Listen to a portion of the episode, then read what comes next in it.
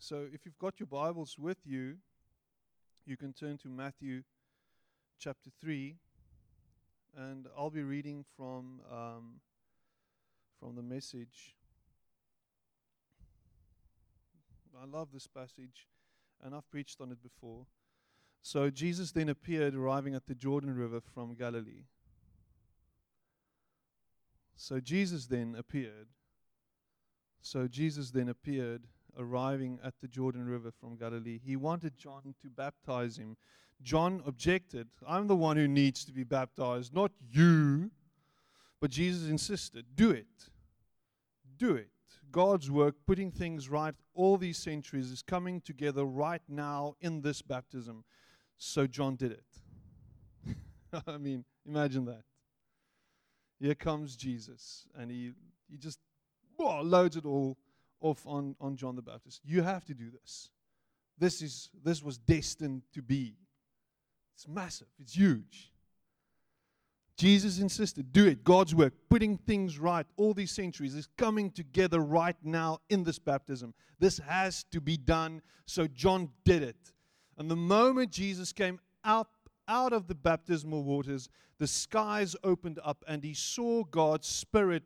It looked like a dove descending and landing on him, and along with the Spirit, a voice This is my Son, chosen and marked by my life, by my love delight of my life. Delight of my life. Some of the other translations will, will say, This is my beloved Son. This is in whom I am well pleased. This happening straight after the birth story. So Matthew just lays it in. He just moves in from the birth story, the birth of Jesus, and the next time you see Jesus, he is being baptized. For him, this was critical because this launched Jesus into his ministry. From here, in chapter 4, you'll see Jesus will go out into the wilderness, into the desert. He'll be wandering into the desert and we'll be tempted by the devil. But this was critical, it was crucial for Matthew to share this information with us. And this whole story is so, so fundamental and part of who Jesus is that we can't just skip over it. In this story, there's it's taken up a lot of things that we can take away for ourselves. So it's something that I can't get enough of. Um, who of you have nicknames? Anyone here has a nickname? Yeah, you. What is your nickname? What? yes, Takar. Yes, Takar. Takar. You can look at his hair. It looks like a, a bush. Yes, Takar. Anyone else? It's like a nickname. Ooh, jy's bietjie skaam, hè? Oh, bietjie skaam. Just the other day I was I was listening RSG. I often listen to RSG. I find it uh, non-threatening, so I love listening to RSG. And um, they've got this this this this segment every now and then. I don't know if you've heard it. Oom Goeltros vertel. Have you heard that? Oom Goeltros vertel. It was the most, I don't know what that is. It's vile. It sounds terrible. And then Oom Goeltros st- he starts speaking. But that's his name. That's, that's how he goes by. He goes by the name of Goeltros. Okay, so I've got a nickname, and um, some of you may know it. My, my nickname is Kala, um, and it's not I, I, I wasn't named after a, a, very, very well known rugby player called Calla Scholtz. Um, apparently, and this is the story, apparently, I loved running around without my clothes when I was little. And then my dad called me Kala, Call, Kala. In English, it's naked. Naka. Narkodrowski. So, but that's interesting. It's it, it sticks, and the only person who can who, who's allowed to call me Kala is my dad. So if you dare call me Kala, I'll kill you with my bare hands, without my clothes. anyway, what a sight! Well, that was dodgy. I'm sorry. Sorry for that. But we we all we all carry names with us. We all have a name that we call ourselves. We've got this name that, that we go by, and it's not, not just your name, whoever you are, whatever you are, whatever your name is. It's the name that you, in your heart, feel you are. The name that you deserve. The name that you refer to every now and then. And it, it might be a great name. I'm sure Donald Trump's got a great name for himself. I'm great. I'm great. This is great. Mr. Bigley, I'm great. Donald Trump's probably got a, an amazing name for himself, but but some of us struggle struggle with our self-esteem. We struggle with a lot of stuff, with a lot of baggage that we carry with ourselves. So we, we've got this name. And we want to be identified at the same time with something. We love being identified and, and, and being connected to a specific image. Just think about it for a moment. Just, just think about the sort of clothes you wear, maybe, the stuff you, the stuff you have, the car you drive. We love branding. We love being branded or part of a specific brand. You, you know, if, you, if, you, if you're into cars, it's either a BMW or a Mercedes. If you're into cell phones, it's either a Samsung or a, or an iPhone or an Apple or whatever. So we, we, we love this. And, and, I, and I read this in, in a specific article uh, regarding branding and, um, and names that we go by, we, that we love to be identified with. Uh, and, and it says in, in, in, a specific um,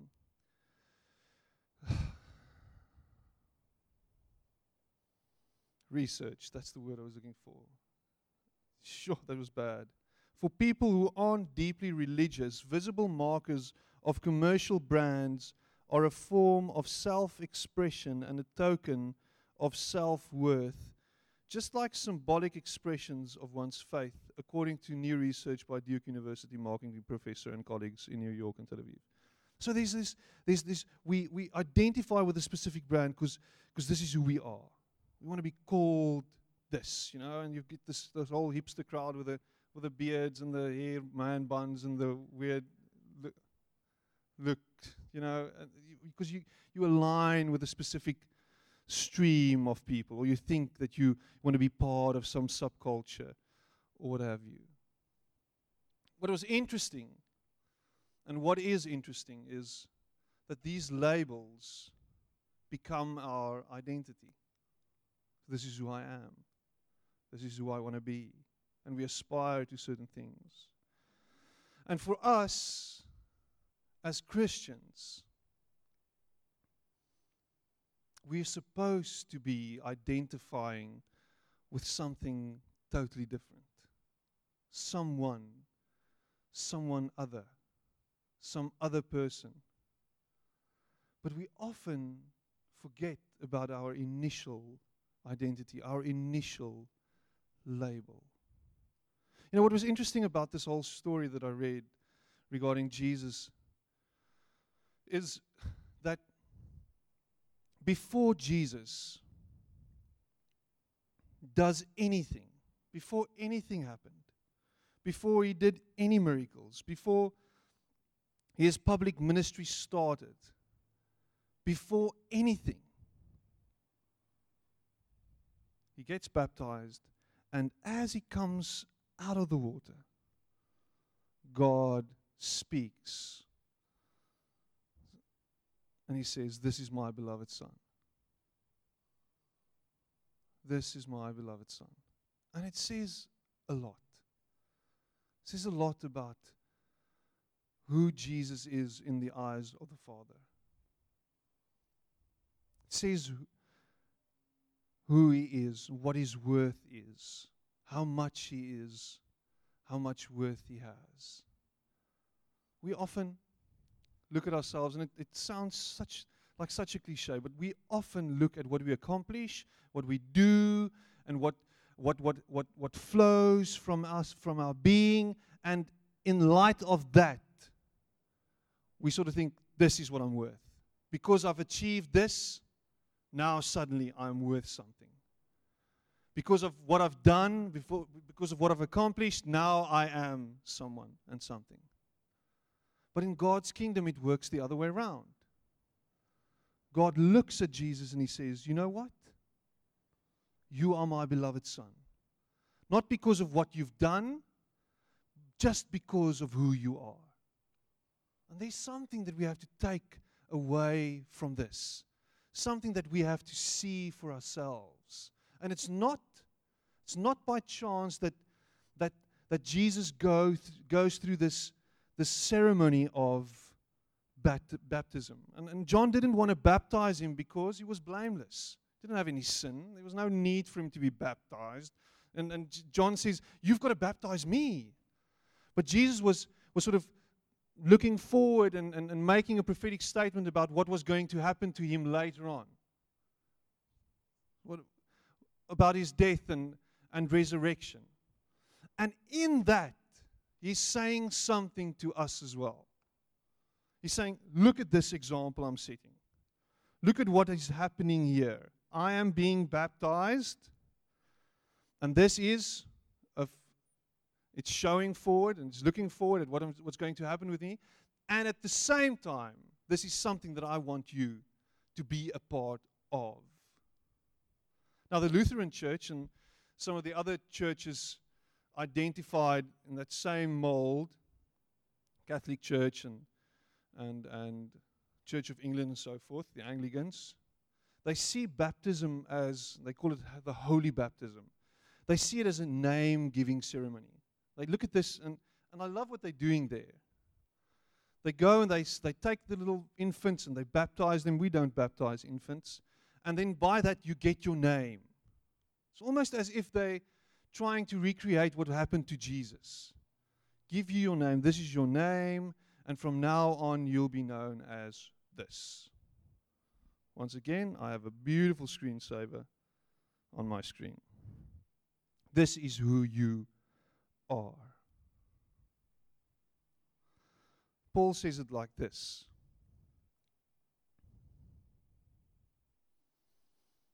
Got it on my phone.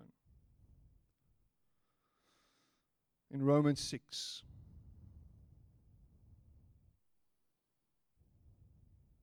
I'm going to read a long passage. So, so what do we do?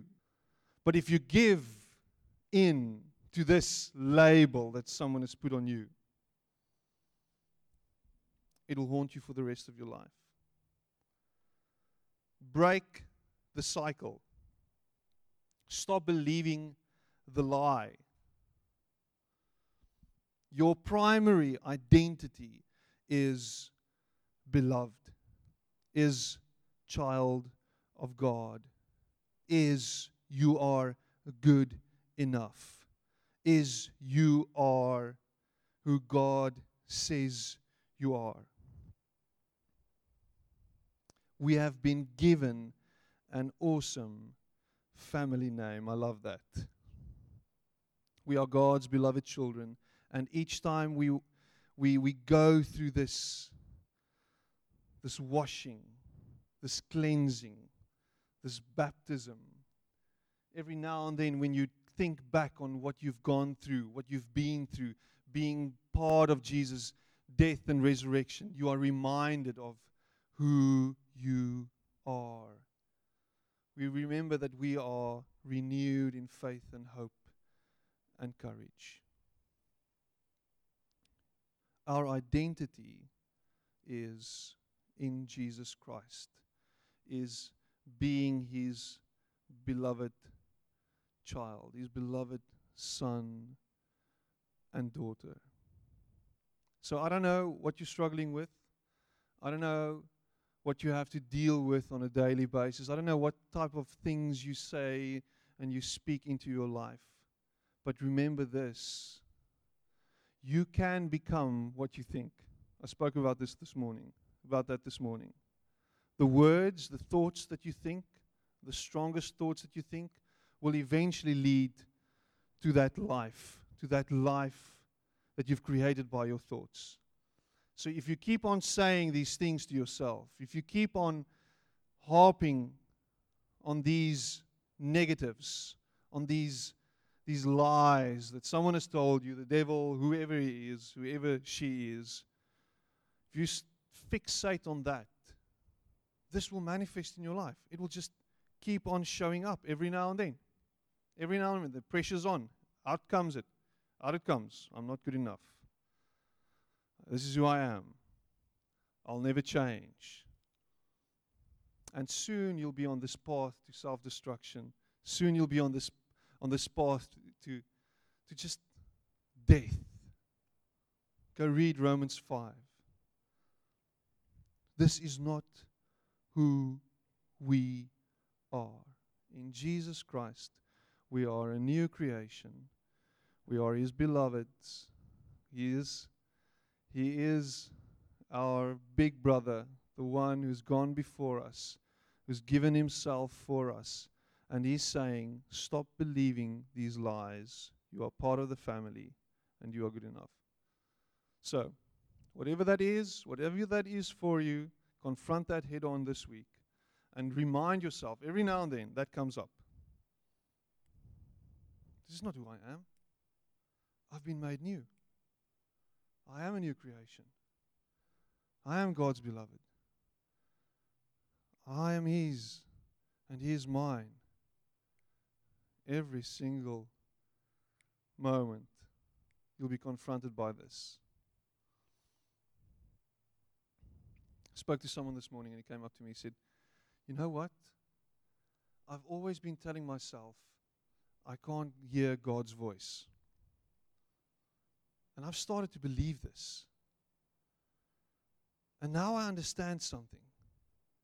I understand that God has actually been speaking to me my whole life. And all I've done is I've denied it the whole time. But He is speaking to me. I understand that now.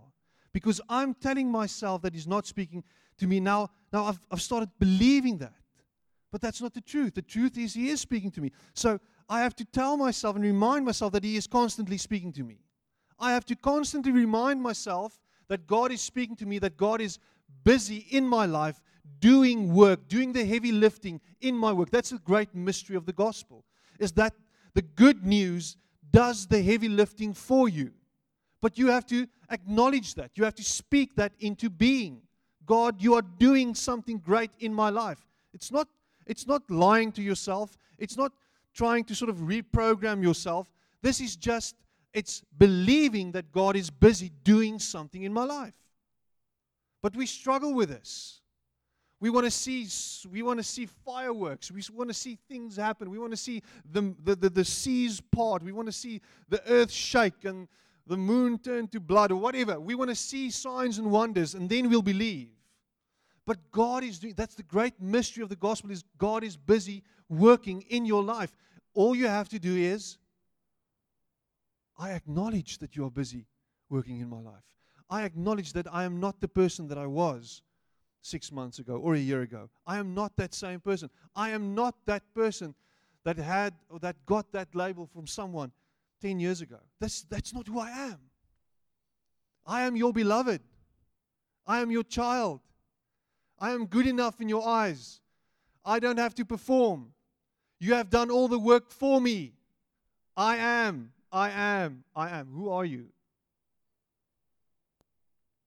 Every morning you wake up, you look at yourself in the mirror, look past, look past all those imperfections,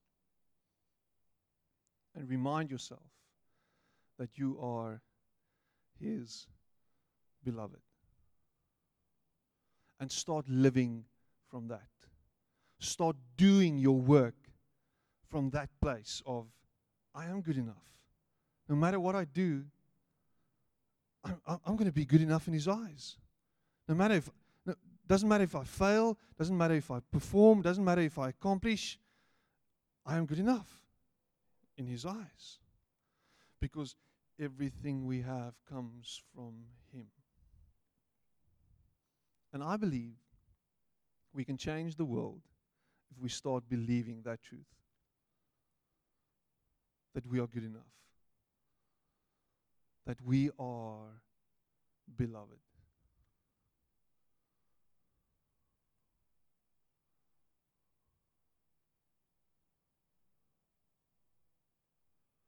This, this is the cliche that I that you've most probably have heard, and that is that hurt people hurt people. You've heard that? Hurt people hurt people. So if you cling to that hurt, you'll just project that pain and you'll hurt someone else. But if that hurt comes to you and you say, you know what? I can either choose to take this on me and make, make it part of who I am, or I can respond to this and look it straight in the eye and say, you know what? This is not who I am. And this is what Jesus did when the devil tempted him. You know what? I hear you, but this is not true for me. I know who I am. I don't have to perform. I don't have to fall in line with what you say I have to do. I am good enough because God has already spoken in my life. And from that, Jesus could conquer the devil. And from that, we can overcome our, f- our fears, our pain, our hurts, and we can start changing our lives and those lives around us, those of other people around us. Because we have seen the power of the gospel, we have seen the power of the good news and what Jesus has done for us. Let's close our eyes and let's pray.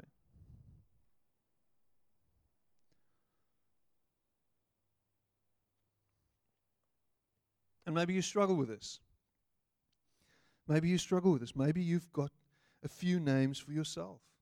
Maybe someone has given you a name and you can't seem to shake this.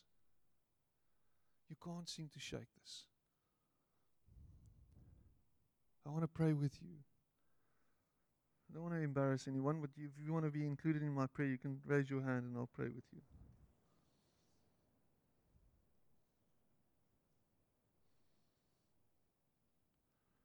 God, you know our hearts. You know what names we've been given. You know who we are. You know us through and through, Lord. And often we struggle with this. We struggle with our identity of who we are. Lord, you, you know our deepest, deepest hurts and, and pain. You know, you know our deepest shame as well. But you know our true identity as well. And that is that we are your beloved children. And we are part of who you are. We've been invited into your kingdom. And it's all because of what you've done.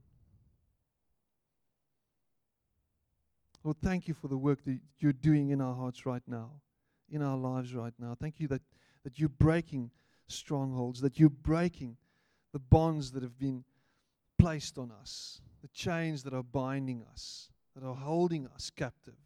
You're breaking that in Jesus' name. Thank you that you've broken it 2,000 years ago already. Help us to step into this freedom, this liberty that you're giving us fact that we are your beloved children, that we are not bound by any name that was placed on us. Our identities are not in something else. Our identity is in you. You are giving us a new name. And I pray this in Jesus' name, and I know that you hear me when I pray because you're the living God. Thank you that you're speaking to us, that you're working in our lives, and that your gospel is powerful and it's doing the work that needs to be done in our lives. Just remind us, remind us, remind us of who we are. And I pray this in Jesus' name. Amen.